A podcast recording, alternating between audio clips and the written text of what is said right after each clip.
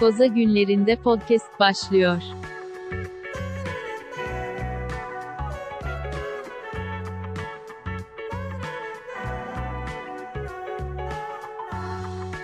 Herkese merhabalar. Lak Lak Podcast 2021 yılındaki 9. bölümüyle sizlerle birlikte.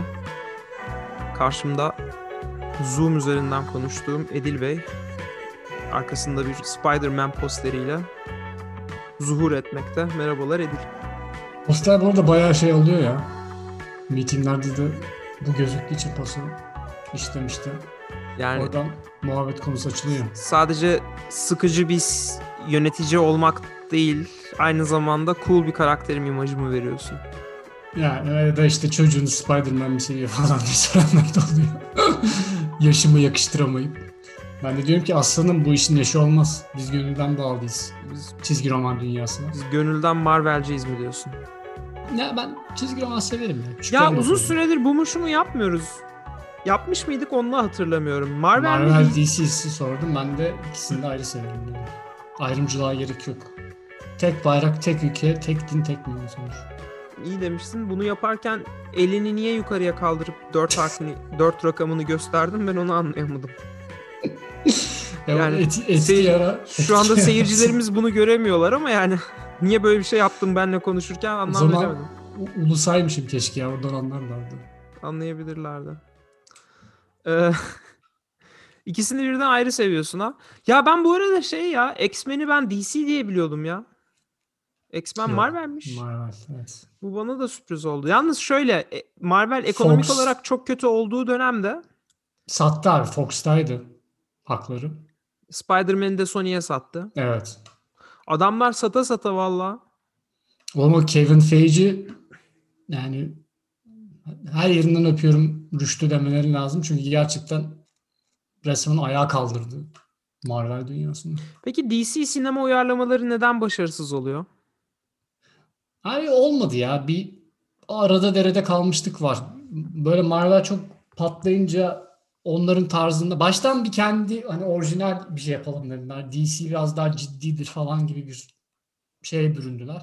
Evet. Ki o da yani tamam ciddi diyebiliriz Gerçi ama burada Batman'lere haksızlık olmasın yani. Batman'ler bayağı iyi. Yani hiç hepsi çok iyi. Geçmişten bugüne hepsi çok iyi ama Yo, şey anlamda diyorum bu hani e, Iron Man ile bir evren inşa etmeye başladı ya Marvel. Onlar da muhtemelen beklemiyorlardı bu arada yani öyle şey baktılar o iyi tuttu mu falan diye üzerine ekleye ekleye sonuçta bir şey dünya oluşturdular kendi çaplarına.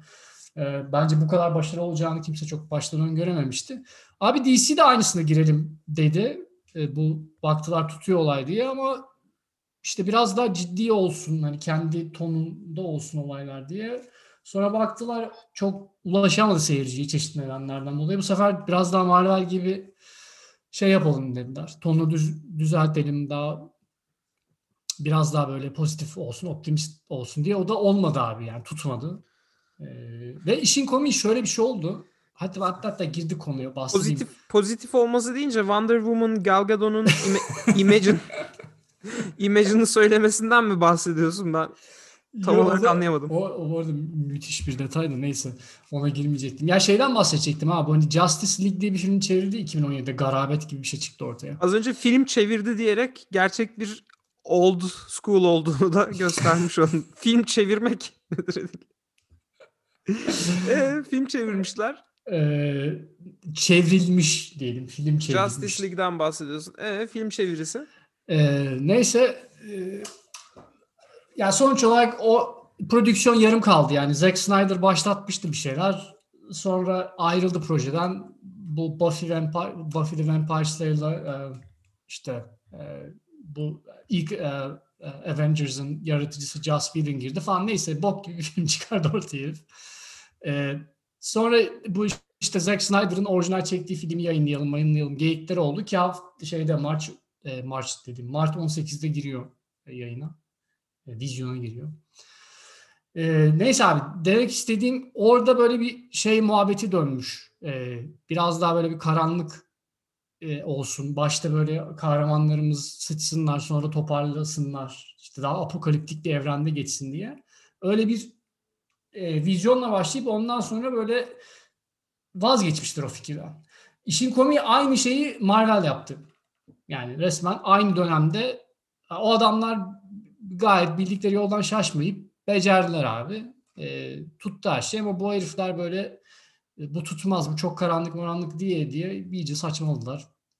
Saçma sapan bir şey ürettiler. Yani ben sadece story yani şeyle ilgili yaratılan evrenle ilgili sıkıntı görmüyorum. Şeyler de filmlerin kendileri de kötü abi. Filmlerin senaryolarını kim çekiyor? Yönetmenler kim? Tekrar söylüyorum Batman'leri hariç tutuyorum. Gerçi Batman vs Superman'ı da katabiliriz buna. Yani ben senin kadar bilgili değilim bu arada. Sen baya baya bu konuda bir ansiklopedi olduğunu, her konuda olduğun gibi bu konuda da bir ansiklopedi olduğunu gösterdin. Yani her konuda olmasa da bu konuya hakim. Abi orada da şöyle bir şey var. Aslında iyi değindin oraya. Çünkü bunların hikayelerini yazan aslında yazan insanlar aslında böyle Batman projelerinde de yer almış da kişiler. Yani Abi o zaman bu Aquaman'i bana bir açıklayabilir misin ya da Wonder Woman'ı bana bir Yok yok açıklayabilir misin? Aqu- Aquaman'a gelmeden. Ya mesela yani aslında DC evrenin ilk yaratılmasında bu Man of Steel çekilirken e, yapımcılarından biri e, Nolan'dı. Yani hatta iki Nolan da galiba dahildi bildiğim kadarıyla projeye. Onların e, önerisiyle Zack Snyder çekti filmi. Hatta işte Chris Terrio da e, senaryoda dahildi ki o da bir önceki Batman serisinde çalışmış biri falan. Hani şey değil aslında. E, adamlar daha önce başarılı olmuş bir e, şeyden geliyor, evrenden gelip değiş biraz daha hani üzerine ek bir şey inşa edelim. Superman de girsin, daha büyük bir şeye dönüşsün bu diye girdiler ama olmadı abi yani tutmadı. E, istenilen etki yaratılamadı maalesef. E, bilmiyorum yani sebebi niye kötü filmden emin değilim abi. Zack Snyder bir kere çok uzun filmler çekiyor abi. En büyük sıkıntısı o adamın. Herif bir oturuyor 6 saat film çekmiş adam oğlum. Yani e, bunu kes kes nereye kadar? Hangi Ee, film bu arada 6 saat olan? Şeyin abi Justice League'in ilk katlarından bir tanesi 5 küsür saatmiş. Bravo. Yani o- o- bunu da stüdyoya götürünce de adam da demiş ki bunu 2 saate indir oğlum. Yani 5 saatten 2 saate de indiremezsin istesen de yani. Nereye indireceksin? Şey Ee, konusunda da bu arada bu arada Superman filminin herhangi birini seviyor musun? Tabii tabii. Ben bütün Superman'leri severim. Man of Steel çok seviyorum. Ee, Allah eski. Superman'leri de severim bu arada yani. 1 ve 2'yi severim. 3 de fena değil. 4 inanılmaz kötüydü bu arada. Hayatını gördüğüm en çirkin filmlerden biri ama. Şey bu Batman vs Superman hangisi katıyor musun? Batman vs Superman'in de Ultimate Edition'ı güzel abi. İlk yani tiyatro şey sinemalara gelen versiyonu değil de theatrical cut değil de Ben niye beğenmedim abi? Hiç beğenmedim hem de. Ultimate Ultimate izledin mi Ultimate Edition'ı? Yok. Ya orada abi 30 dakika daha uzun. Öyle olunca böyle kopuk noktalar biraz daha iyi bağlanmış birbirine. Hmm. Yani biraz da anlıyorsun lan bu niye böyle bir şeyler yapıldı falan diye. Hani izleyecek varsa onu izlesin abi. Hiç theatrical cut pek iyi değil açıkçası. Valla ben seni bu kadar bu konuda dolu olduğunu bilseydim bu bölüm yani şey yapardım ya bu konuda konuşmak için önceden hazırlık yapardım. Gerçekten dolmuşsun Sen yani. sor ben anlatayım abi. E peki şeye ne diyorsun? Ee, bu karakterleri bir araya getirme fikri yani Justice League'den bağımsız olarak işte Batman vs Superman aa, ya da işte şey diğer tarafta da yaptılar ya karakterler Hangisi? ya işte sonuçta Avengers'la bilmem ne bir araya geldi. Bütün hani Ha, ha, ha. evrendeki filan. tabii aynen aynen. O, o konudaki fikrin ne? Ya bu adamlar niye bir araya geldiler mi yoksa buradaki o altın formülü nedir? Ee, Yani- bir film yapmak için bu kadar kalabalık kadroyla. şey hani şeyde de dal geçiyor ya The Boys'da hani e, etkileşim daha fazla oluyor. İki karakter olunca e, daha çok hit rating alıyoruz falan muhabbeti. yani sen bir bir şey olarak e, komik gurusu olarak çizgi roman aşığı olarak bu, bu, bu işe gönüllünü yıllarını vermiş bir e, Doğrudur. takipçi olarak ne hissediyorsun? Ya etkileşim olayı doğru bu arada canım. Yani o, Yani o Batman'le kadar Superman'i kav- kavga ettirmek bir şey için, bir komik book guy için böyle bir wet dream miydi yani? Abi birçok insan için öyle ya. Yani gerçekten bir şey var. Nedense böyle farklı işte farklı hikayelere sahip kahramanları böyle bir araya getirince insanların bir hoşuna gidiyor. Coşuyorlar. Ee, birbirleri interaksiyona girince. Ama senin dediğinden yani senin dediğinden çıktı aslında bütün o hikayeler böyle Justice League'ler bilmem neler ıvırlar zıvırlar. Ee, Bir noktada şey kalmıyor abi hikaye de kalmıyor aslında. Tabii canım hep aynı şey. Bir kötü karakter çıkıyor. Sen o Aynen. kötü karakterle kavga ediyorsun. Kazanıyorsun. Devam ediyorsun. Bir de oğlum yani karakterler de hep birbirine benziyor. Yani işte Marvel'da hızlı koşan bir herif var. DC'de hızlı koşan bir herif var. Atıyorum mesela bu kadar tabii. Ha evet Bu- evet o aynen öyle ama aynı- o o Yani ya şey o yok. zaten şey yani evet. O karşılıklı çalma ya hep olmuş o ama. Ee, sanırım ama şeyde villain zenginliğinde bir DC'nin özellikle DC Got- Gotham'ın bir böyle bir bambaşka bir boyutu or- orası. Ee, Zaten o şey abi Marvel'daki o Thanos karakteri şeyden Darkseid'dan alınma yani. Darkseid e, onun orijini o. Yani Peki- oradan gördük. Biz de böyle bir çılgın bir karakter yaratalım falan demiş. en sevdiğin sinema uyarlamasını sorayım. Çizgi roman sinema uyarlaması. Evet. Abi herhalde hani objektif olarak bakarsam herhalde en iyi Spider-Man 2 diye düşünürüm. O film gerçekten iyi bir filmdi her anlamda. Yani hem filmin kendisi olsun hem işte ne bileyim e, çizgi roman severler için olsun. Güzel bir film yani. Onun harici ben Superman filmlerini seviyorum abi. Superman'i çok sevdiğim bir karakter. Ondan dolayı Man of Steel'i çok seviyorum. Hı. Ee, işte Wonder Woman 1984 yine eşsiz bir eser. Abi o film çok kötüydü bu arada. Gerçekten. Gerçekten kötüydü.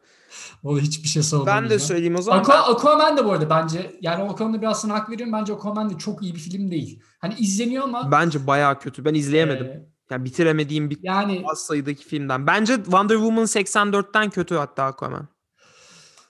Evet, olabilir ya bilmiyorum. Bir, yani çok bir yorumda bulunamayacağım. Aquaman'ın çok hakim değilim abi açıkçası. Hani e, o biraz böyle bana hep yancı bir karakter gibi gelmiştir. E, bir de zaten dalga da geçiyorlar. Sen balıkla balıkla mı konuşuyorsun aslında diye. Öyle bir talihsiz şey de var. The Boys'da da onun geyiği var ya. Aynen aynen. Ee, şey de ben de söyleyeyim yani benim kişisel de fikrim mesela abi sen de seviyorsun. Şeyleri bu arada hiç saymadım abi. Nolan serisini saymadım. O Ha, öyle mi? biraz, Onu saymadım o biraz çünkü şey gibi ya. Ee, hani çizgi roman temalı normal şey. fantaz e, bilim kurgu mu? Yani diyelim. hafif, yani hafif bilim kurgu, Tamam. hafif drama. Ben de bir tarz. numaraya Nolan'ları koyacaktım. Gerçekten hani Batman'in o üçlemesi, Dark Knight üçlemesini bir numaraya koyarım. İki numaraya da şeyi koyayım o zaman madem onu saymıyoruz. Ee, ben de X-Men uyarlamalarını seviyorum abi. Ha, X-Men 2 de çok iyidir. X-Men uyarlamaları da seri olarak gerçekten diğerlerinden... Bir yenilerini mi seviyorsun eskilerini mi? İlk Ee, mi yeniler mi? Yeniler mi? Yenilerden kastın ne zamana yeni diyorsun? Hani böyle Şu- şu 80'ler ay, 70'ler 2000. falan mı var? Evet evet şu First Class'la başlayan yeni seri, şeylerin değiştiği. Ee, Ben 2000'lerde başlayandan bahsediyorum. Ha tamam tamam okey. Benim de benim de sevdiklerim o işte. Orada üçüncü film biraz iyi değildi The, The Last Stand. Biraz uzattılar. Aynen katılıyorum bu e, Ama iki, şeye iki gittikleri. çok iyiydi abi. İki müthiş bir filmdi yani. Wolverine'li olan açılış da fena değildi bu arada. O şey Beyaz Saray'da bir açılış sekansı vardı ya müthişti o yani. Katılıyorum. Ben e, ben de onu bayağı beğendim. Bir de şey diyebilirim. Peki en sevdiğin dizi uyarlaması hangisi oldu? Sen bayağı izliyorsun Ee, anladığım kadarıyla. Dizilerden hmm, abi Boys mesela ben çok güzel fikir olarak. Bayağı seviyorum. Ee, şeyi de severdim ben ya.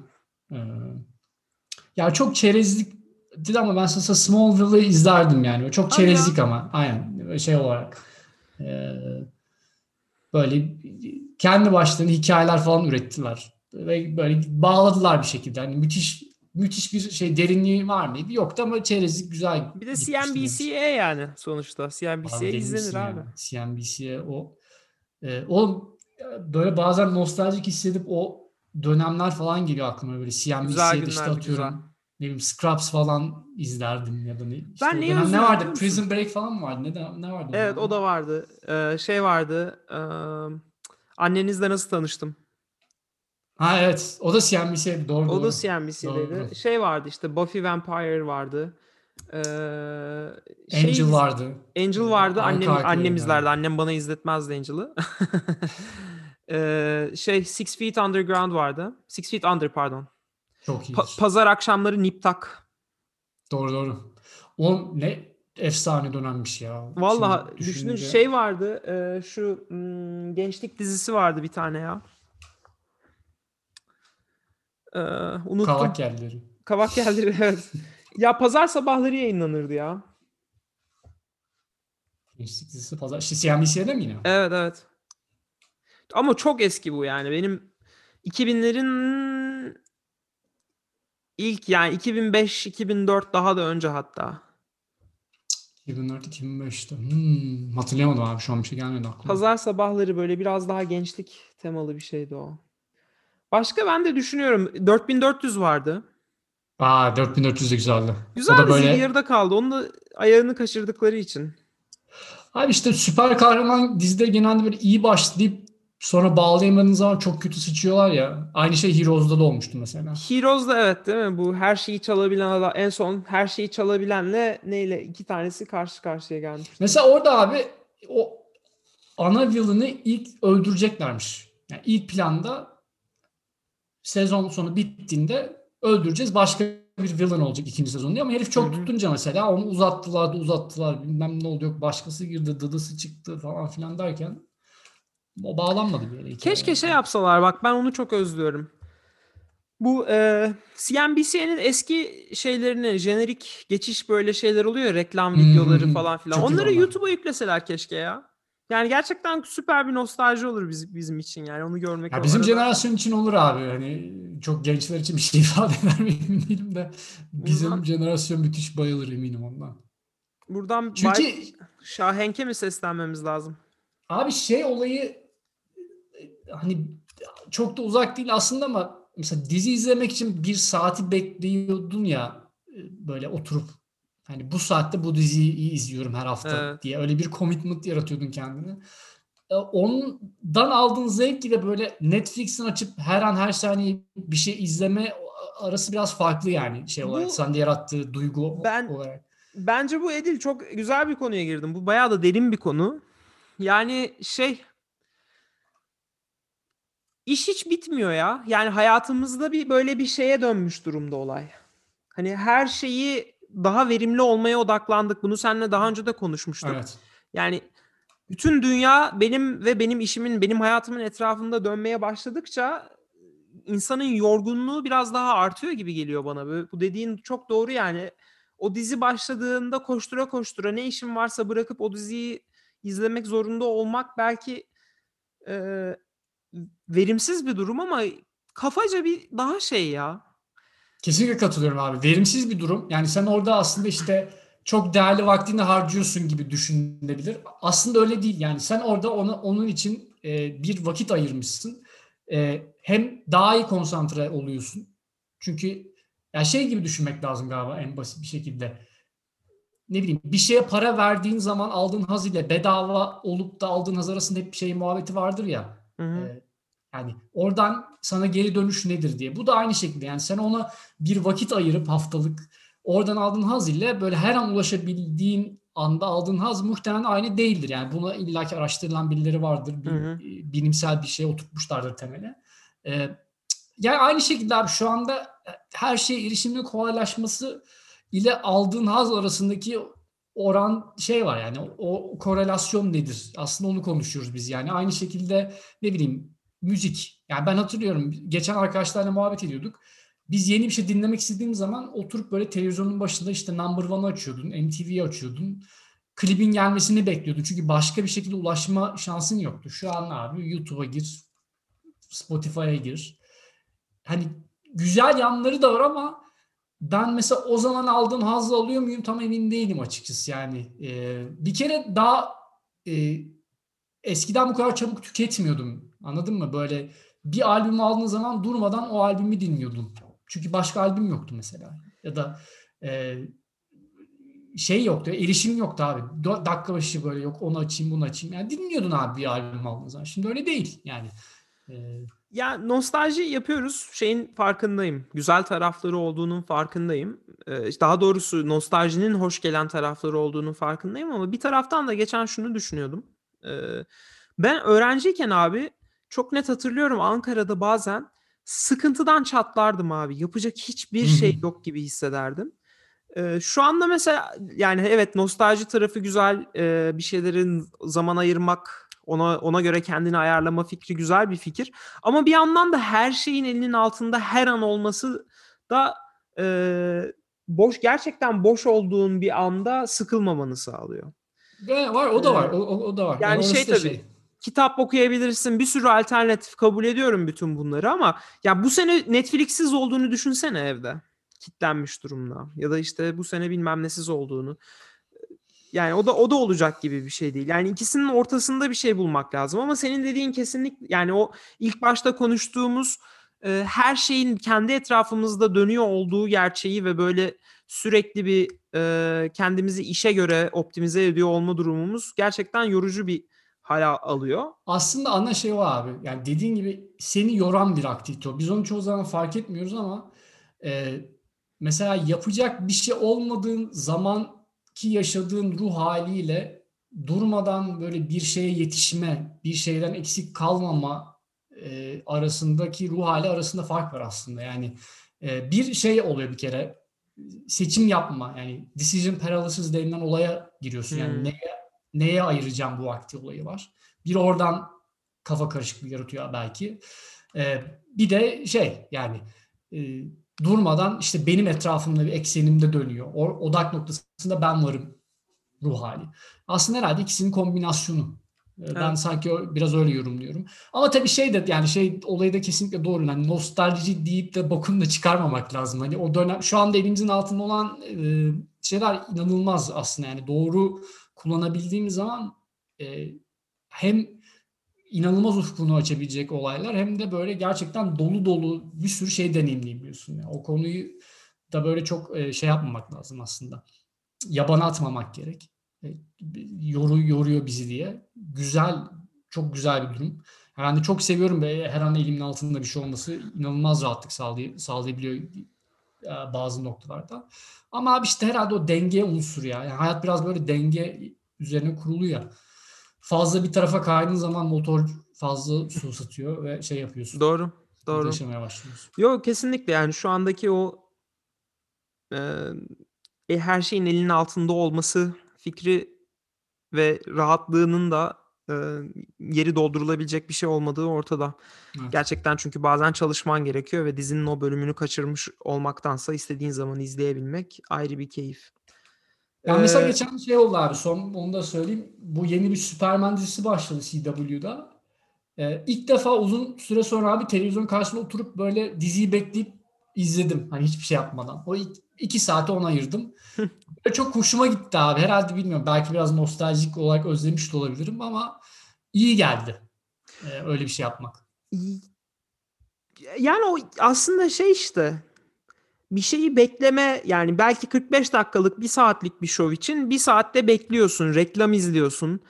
Evet, evet. O an boşsun yani. Sürekli böyle arka arkaya optimize bir şekilde tak tak tak tak izlemiyorsun. O boşluğun tadını çıkarma fikriyle alakalı. Kafam sanırım. biraz rahatladı abi. Yani şey gibi hissetmedim. Yani işte reklamı geç, introyu geç, vakit kaybetmemem lazım gibi Değil bir mi ya? hissiyat yaşamadım. Yani o- belki o, o biraz şey geldi, iyi Evet geldi. abi.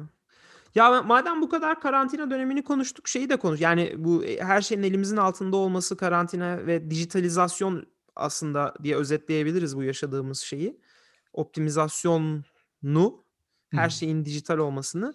Bu e, şöyle bir şey yaşan yaşanıyor. E, her şeyin daha çok daha akıllı, daha elektronik tabanlı olmaya dönüşmesiyle birlikte yani kullandığımız e, kumandadan tut yani Apple'ın kumandasını almaya kalktığında Apple TV için olan kumandasında içinde sonuçta bir işlemci var. E, Bluetooth özelliği olan bilmem ne olan.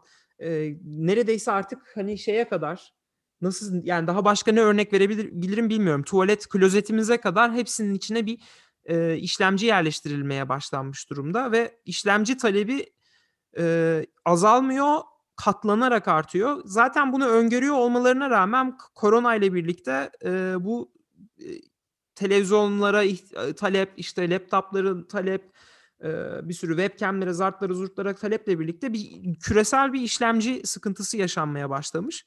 Ve bundan en çok etkilenenlerden biri de otomotiv sektörüymüş. Gerçekten e, ürün çıkaramayacak ya da ürün çıkarım sürelerini uzatacak e, duruma geçmişler.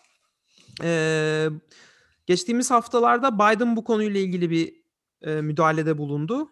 Yani bu tabii hemen çözülecek bir konu değil çünkü Amerika e, çiplerini kendi üretmiyor. Kendisi tasarlıyor olsa ya da işte başka tasarımcılarla çalışıyor olsa bile e, mu- çok çok büyük ölçüde uzak doğuda üretiliyor bu e, işlemciler. E, Amerika'nın bunu yavaş yavaş Amerika'ya almaya veya en azından çalıştığı partnerlerindeki e, tedarik zinciri üzerine biraz daha kafa yormaya e, karar verdiğini söyleyebiliriz. Muhtemelen bu konuda bir değişiklik olacak. Ben bunu hep örnek gösteriyordum. Yani Amerika aslında böyle küresel bir güç ama aslında birçok ülkeye de bağlı e, diyordum. Türkiye'nin hani biz böyle dev olacağız, böyle dünyaya meydan okuyacağız derken yani hakikaten Amerika'nın yanında Amerika'nın dostları olmasa Amerika birçok konuda da yalnız kalır ve birçok şeyi de üretemeyecek hale gelir. Tabii ki her ülke kendi e, güvenliğini e, riske atmak atmamak adına e, bazı şeyleri kendi üretmek isteyecektir ki Amerika'da bu durumda birazcık e, işlemci üretimiyle ilgili bir adım atmak yoluna gitmiş durumda. Hani bu ne kadar sürer bilmiyorum ama e, bu konu yani böyle bir sıkıntı yaşanıyor. E, Türkiye'de de belki bunun etkileri hissediliyordur bilmiyorum. Vestel'de işte atıyorum General Mobile gibi telefon üreten şirketlerde durumlar ne ya da Arçelik'te. E, ama böyle bir durum var. Biden bununla ilgili bir adım attı ve şey de çok güzel yani hakikaten e, akla mantığa sığan konularla ilgili açıklamalar ve gerçekten önemli konularla ilgili açıklamalar duymak e, insanın hoşuna gidiyor gerçekten. Sen ne diyeceksin? Ya bu tedarik zinciri olayı doğru bu, arada abi. Özellikle global tedarik zincirlerinde e, hani şey muhabbeti vardır abi böyle bir sürü oyuncu olduğu için bir yerde hafif bir aksama olduğu zaman böyle katlanarak artmaya devam eder. Ona bullwhip efekt derler zaten. Belki sen almışsındır bu arada ya şey hiç endüstri mühendisliği dersi almış mıydın? Biz Ekon aldık abi.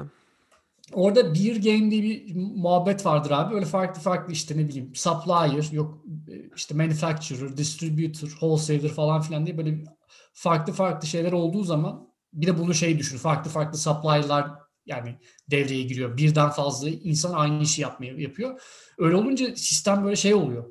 Bir yerde aksam olduğu zaman abi tamamen sonunda iyice pat, patlıyor. Yani o çünkü o diğer bir sonraki step'i aksatıyor. O diğerini aksatıyor. Çünkü bir yerden talep geliyor abi sen supply'de bir sıkıntı yaşadığın zaman e, bütün sistemi e, böyle etkisi diğer tarafı iyice katlanarak E bu da devam aslında ediyor. şeyle alakalı yani aslında her aşamada 3 aşağı 5 yukarı beklenen bir katma değer katıldığı için işin içine. Evet. Evet. Yani evet sırf bir yerden bir yere, bir yere gibi değil ama hani o bir game'de öyledir. Örnek çok basit olduğu için Anladım. farklı yerden bir yerden A'dan B'ye, B'den C'ye şeklinde tasvir ederler ama dediğin Evet. doğru abi. Yani global tedarik zincirleri bu pandemiden dolayı zaten e, yani etkilenmemesi sürpriz olurdu ama tabii e, bu senin bahsettiğin olay da önemli. Neticede artık hayat çok dijitalleşti. E, dijit- senin bu arada konu üzerine başka eklemek istediğin şey var Yani mı? şunu şunu söylemek istiyorum. Benim okuduğum kadarıyla aslında sorun üretimle ilgili yaşanan kayıplardan dolayı değil. Yani evet bir, bir süre üretimle ilgili de sıkıntılar olmuş bu koronanın ilk başladığı dönemde ama asıl sorun talebin inanılmaz Hı, bir ona karşılayamamaları. Ve hani işlemci deyince aklınıza sadece işte telefona giren üst düzey işlemciler ya da işte atıyorum laptopunuzdaki üst düzey işlemciler değil. Gerçekten çok basit çamaşır makinesine, bulaşık makinesine giren hatta onun da daha altında dediğim gibi kumandaya giren e, işlemciler var ve bunların hepsi, hepsinin üretildiği yer sayısı gerçekten çok az. E, mesela ASML diye bir Hollandalı firma var. Türk Türklerin çok çok yakından tanıdığı en azından bizim beyaz yaka zümrenin Mühendislerin gittiği firma Evet, evet. Yani bu şey çip üretim makinalarını üreten firma. Rakibi yok diye biliyor. Yani bir iki tane belki vardır bilmiyorum ben. Ama gerçekten domine eden bir şirket ve bütün şirketlerle çalışıyor. Ee, bunların belki de sayısının artması, bunların rakiplerinin çıkması gereken bir döneme doğru mu gidiyoruz diye düşünmüyor değilim. Bilmiyorum. Ben bu kadarını söyleyeceğim. Sen istersen devam et abi. Yo, yo, şey diyecektim ben de e, hazır dijitalleş benim de ekleyeceğim bir şey yok aslında yani E, ki dediğin de mantıklı bu arada aslında talep e, olayı işte bir taraftan e, şey yapıyor tedarik etmeye çalışıyorsun veya ür- üretiyorsun bir yandan da işte talep isteniyor ama bunlar aslında çok böyle birbirleriyle e, uymuyor çoğu zaman. E, zaten onu dengeleme olayı bir de işte aradaki farklı oyuncularda bir sıkıntı yaşandığı zaman sistem tamamen böyle şey yapıyor. İyice patlak vermeye başlıyorsun farklı noktalardan. Böyle etkisi daha da büyüyor yani ufacık bir minik bir kayıpta dahi o çok daha farklı yansıyabiliyor en son e, şeye tüketiciye doğru. Ben şeye ge- geçecektim abi aslında başka bir konuya geçecektim ama hazır dijitaldeyiz. E, konu güzel bağlanır diye. Bu hafta şey muhabbeti vardı Onur abi. E, bu dijital koleksiyonculuk diye. Aslında çok yeni bir şey değil. Ama bu hafta çok bahsedildi abi. Forbes'da bir maka- makale vardı konu hakkında. Ee, abi çok basit olarak anlatmak gerekirse e, işte biz daha önceden böyle atıyorum basketbolcu kartları topluyorduk ya küçükken. Bunun Evet. dijital halini topladığınızı düşünün. Yani Bir görsel Kar- var mı yoksa sadece bir token? Abi e, işte bir video. Yani atıyorum bir basket. e, za- zaten ben aslında oradan biraz konuya e, dahil oldum. Çünkü NBA'de bu tip videoların satıldığı söylendi. Böyle dijital videolar kişiye özel e, sırf senin kullanımın için sana satılıyor. Bunu da şey diye e, e, NFT diye bir şey non-fungible tokens üzerinden yapıyorlarmış. Yine bu Bitcoin'e dahil olduğu blockchain teknolojisinde var olan bir şey. Bitcoin'den farkı ama e, bu non-fungible e, oldukları için e, birbirleriyle aynı değiller. Yani Bitcoin fungible olarak geçiyor. Çünkü her bir Bitcoin aynı değere sahip. Birbirinden Hı hı. ayırt edilemiyor gibi. Hmm. Ama bu non-fungible denilen şeyler e, birbirinden ayırt edilebilen varlıklar. Ve bu işte atıyorum bir basketbol videosu bir varlık. Yani kendine özgü. E, bu platformda yer alan, para verip alıp satabildiğiniz e, ve sırf basketbol videoları da değil aslında herhangi bir dijital e, sanat eseri mesela yine aynı şekilde parasını verip alabildiğiniz. Burada tabii fark şöyle bir şey oluyor. Şimdi dijital deyince ilk akla gelen şey abi hani alırım ben bunu kopyalarım gibi. Aslında bu yarattığı çözüm bu. Sen bu bunu alırken bu non-fungible token alırken hem bunun sana ait olduğuna dair bir belge alıyorsun. Hı hı. Kaydı var. Hem de kendi ürünü alıyorsun. Yani işte bu basketbol videosu Onur Kapıcı'ya aittir. Ee, işte bu, bu sana ait bir şey. Ee, hani daha önceden e, özellikle daha çok şeyleri satıyorlar böyle daha önceden yayılmamış veya işte bulunmayan şeyleri satıyorlar ki bir de, değer oluştursun doğal olarak. Çünkü halihazırda böyle internetin her yerinde dolaşan bir şey için kimse para vermez. Ama atıyorum işte dijital bir şey sen e, ne bileyim dijital e, bir ressamsan işte tasarımlarını birilerine satabilirsin bu yol aracılığıyla ya da işte NBA'in yaptığı gibi videolar satılabiliyor. Ben şeyi okudum abi çok enteresan geldi. Bu William Shatner Star Trek'ten tanıyordur dinleyicilerimiz. O mesela böyle daha önce hiç görülmemiş fotoğraflarını e, bu şekilde satmış. Sırf fotoğrafın değil hatta 68 yıllık bir diş röntgenini satmış abi. Hangi deli satın aldı emin değilim ama yani adamın bir abi William Shatner'ın diş absesinin görüldüğü bir şeyi şu an koleksiyonunda tutuyor. Buna para verip almış mesela herif. Söylemek istediğin var mı bir şey? Ee, yok ya şey diyecektim hani buna dair bir şey var. Ee, ya bu piyasa çok büyümüş ya. 2017'de başladı demiştim. 42 milyon dolarmış o dönemde. Şu an Hı hı. 2020'de 338 milyon dolara ulaşmış. Az. Ee, şey gibi düşünüyorum ben. Hani bir ara şeyler vardı ya böyle dijital fotoğraf e, e, çerçeveleri.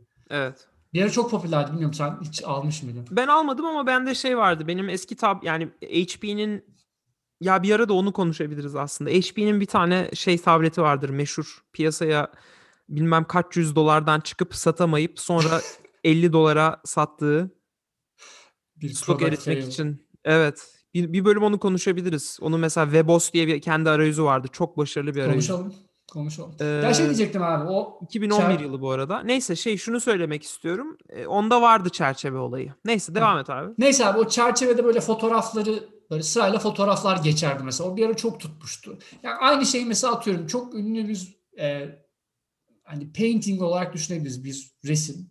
Evet. E, bu dijital olarak yani evinizde sergileyebileceğiniz bir şey gibi düşün. Yani atıyorum gidip böyle fiziksel olarak çerçevelettirip aldığınız gibi değil ama yani böyle bir dijital kopyasını evinde sergileyebildiğiniz öyle bir dünya e, düşünün. Yani muhtemelen bu tip şeyler ileride alınıp satılacak gibi geldi bana. Yani benim bana- kadarıyla. Aşırı mantıklı geliyor. Hele ki ortada bir sanat e, türü bir şey varsa Tabii tabii. yani. tabii, tabii. Yani sonuçta bir çizimi Bir kere internetten kopyalanma olayı için abi hani bir Evet. hani sen ona hak iddia edebiliyorsun. O anlamda bence şeyleri de biraz yarat yaratıcı insanlar için de iyi bir şey. Çünkü Hı hı. yani bir şey yaratıyorsun abi internete koyulan da bok yedin anladın mı? Hani watermark falan ko- koyuyor ya insanlar böyle bir şey sat, Evet, satarlarken. Evet. E, Ve bu bir de son olarak şunu ekleyeyim abi. Yaratıcılar açısından şöyle bir avantajı da varmış. Her satıldığı zaman yani her başka birinin eline geçtiği zaman oradan tekrardan para kazanabiliyorlarmış e, insanlar. E, orijinal Anladım. yaratıcılar. Güzel. O da çok güzel. Bence de güzel. Yani özellikle sanat camiası için bence fena bir e, enstrüman gibi durmuyor. Yani şeyin e, birkaç boyutu var anladığım kadarıyla bu işin. Bir boyutu şu. Ya zaten hali hazırda dijital sanatçılar sanat eserlerini, dijital eserlerini satıyorlardı. Yani ister Evet. çıktısını alıp satıyordu ya da ister PDF olarak yolluyordu, JPEG olarak yani ya da ne bileyim işte Photoshop formatında ne, ne nasıl yolluyor bilmiyorum ama böyle bir çalışma şeyi var. Olduğuna eminim. Tabii bu durumda kopyalanması ile ilgili bir önlem sanırım yoktu ve bu o, o sorunu çözüyor. Birinci deneyecek şey bu. İkinci deneyecek şey tabii böyle bir e, antikacı kolek koleksiyoncular için bir e, boyut olmuş oluyor. Yani de, o de, bahset bahsettiğin işte o e, röntgen çıktısı örneğine gelecek olursak eminim bugün Elvis Presley'nin röntgen çıktısı bir çekmeceden çık- çıksa birisi onun fiziksel hali için de sonsuz para Kesinlikle. verecektir. Yani dijital, dijital olması o anlamda çok bir şey fark ettirmiyor. Şeyi fark ettiriyor. Yani dijitalin kopyalanması ile ilgili olan enge- e, sıkıntıyı sanırım bir çözmüş oluyor bu, bu durum. Fakat başka şeylerin de önünü açıyor dediğin gibi. Yani biz dediğin gibi collectible kartları falan ya da işte başka aklıma gelen stickerlar vardı. Yani onları onları düşünüyorduk. Dijital stickerlar dünyasına dönülebilir mesela. Öyle şeyler olabilir. Yani Bu- kişiye özel videolar olabilir mesela. o var, o var. Cameo diye bir web sitesi var. Ünlüler e, kaydoluyorlar. Para verip istediğin mesajı söyletebiliyorsun. Hatta geçen senenin en çok kazanı e, Tiger e, yok neydi? King miydi? Tiger King evet evet. Tiger King'deki e, kadın var ya abi. Her şeyci olan. Carol, Ee, Caroline. Baskin. Carol Baskin. Baskin. Carol Baskin evet. Carol Baskin mesela geçen sene şeyde en çok kazananlardan biri seçi e, olmuş Cameo'da. Yani Hı. millet para verip işte arkadaşının doğum gününde arkadaşımın doğum gününü kutlar mısın diyor. İşte o da sevgili küçük e, kedicik bilmem ne falan diye mesaj kaydedip yolluyor yani. Evet. Hani böyle bir böyle bir dünya hali hazırda var. E, şey düşündüm bu. Ben sen bunu bana benle ilk paylaştığında geçen hafta detaylarına biraz baktım. Yani için içinde bir sanat boyutu olduğu sürece bir sorun yok. Ama aklıma şu geç geldi. Ee, sanatı bundan çıkarırsak ve bir sadece bir token'ın yani birinin generate ettiği token yani mesela Shaquille. O'Neal diyor ki ben senin için bu token'ı generate ediyorum. Bu Shaquille'dan imza vermek yerine token veriyor sana atıyorum. Evet. Bir şey yok sadece imza gibi düşün. Hani imza Evet. alırsın ya ünlüden. Mesela bu bu bu sence hani para edecek bir şey midir? Bunun bunun ikinci eli olur mu mesela? Shaquille O'Neal'ın imzası gibi bir şey yani. Shaquille O'Neal'ın token'ı var artık. Güzel bir soru. Ee, abi zaten hani biz seninle konuşuyoruz ya bir şeyin değeri neye istinaden oluşuyor diye. Yani özellikle bu her şey dijitalleşmeye başladığından beri. Ya onu tam emin değilim abi. Hani bilmiyorum token'ın nasıl bir formda olacağıyla alakalı yani e, belki olabilir ileride ama şey vurgusu önemli aslında. Bu biraz şeye dahil gibi oluyor bu DeFi dedikleri Decentralized Finance olayı. Bir de öyle bir şey var abi. Hani e, herhangi bir şekilde bir e, yöneticiye dahil olmadan sen bu şekilde alışveriş de yapabiliyorsun. Bir de öyle bir şeyi var. E, sanırım artısı olacak. Yani e, normalde olmayan e, yani direkt böyle herhangi bir şekilde birine işte atıyorum banka veya bir şey dahil olmadan biriyle alışveriş de yapabileceksin galiba. Öyle bir kolaylık da sağlayabilir. Şu an bilmiyorum oluyor mu da sanki gelecekte bir bir şeyde kullanım alanı da öyle bir şey olabilir yani. Decentralized Finance şeyini e, umbrellasını geliştirmek yani o şemsiyeyi geniş genişletmek açısından da bir değişim yaratabilir gibi geldi sanki. Güzel. E, ya bir şey ne bileyim e, seçenekler şey e, çok yani ne tarafa doğru evrilir emin değilim. Şu noktada daha basit şeylerden hani dijital art, collectibles gibi başlamış. Ama nereye evrilir onun konuda çok emin değilim bu tip teknolojiler. ya Ya da e, başka neler kullanılır? şeyi şöyle kapayalım. Mesela bunu yine sen konuşurken Sen ne aklıma- alırsın abi mesela buradan? ne geldi aklıma biliyor musun? ben şeyin özel versiyonunu aldığımda eee, çok enteresan bir konu bu. Eee, Radiohead'in Moonshaped Pool eee, son, Güzel son- albümdür. evet son albüm son albümün şeyini aldığımda eee, özel versiyonunu satın aldım ve e, yanında şey verdiler. S- yanlış hatırlamıyorsam OK Computer'dı. Evet yanlış hatırlamıyorum. OK Computer'ın orijinal kayıtlarını, şey kayıtlarını, bu e, bant kayıtlarını, bantlara kayıt kayıtları Oo. Makaslara makasla kesip random olarak arasına koymuşlar. Yani işte hani bu bir Anladım anladım. işte bir özel yani içinde bir şey. Hani dinleyebileceğim bir şey değil ama yani hani onu bilmiyorum. Belki kesit olarak o bölümü dinleyebilir misin? Belki dinleyebilecek aletler falan vardır da. Neyse varmak istediğim nokta şu. Mesela e, aynı şekilde bir yazılımın parçası. Yani atıyorum mesela ilk iPhone'un source kodundan random bir kısmı e, sana ait bir şekilde sana böyle bir flash disk işte ama yani sadece okumaya izin veren bir flash diskte falan verseler bunu satın almak isteyen olacak mıdır mesela bir dijital collectible? Bu tür şeyler Abi geliyor benim olur. aklıma. Bence olur ya. Bence olur ya. Ben bir yani Ama her- sadece böyle saçma sapan bir if loop ya da işte şey e, if condition ya da for loop da gelebilir. Yani çok boktan bir şey de denk gelebilir. Ulan gele gele bum yani koskoca Aynen. source kodda. Aynen. Yok yok ama enteresan bir düşünce ya. Dediğim gibi abi şey seçenekler inanılmaz. Hani her şeyi satabilirsin geçmişte bu atıyorum. e, bir şekilde hayatımız dahil olmuş ama fiziksel olmayan hani normalde collectible dediğim biraz daha fiziksel bir formattadır ya. Ben Ee, son hani biraz uzattık bölümü. Bir tek şunu söyleyeyim içimde kalmadan Edil. Seni de kestim ama. Hani Yok, bana yok, sorun şu oldu. Ben önce bir fikir ortaya sundum. Bana soruna cevap verecek olursan bölümün başına dönerek cevap vereyim. Bana CNBC'nin jeneriklerinden bir tanesini satsalar alırım ben mesela. diyelim ve bölümü kapatalım. Herkese iyi haftalar.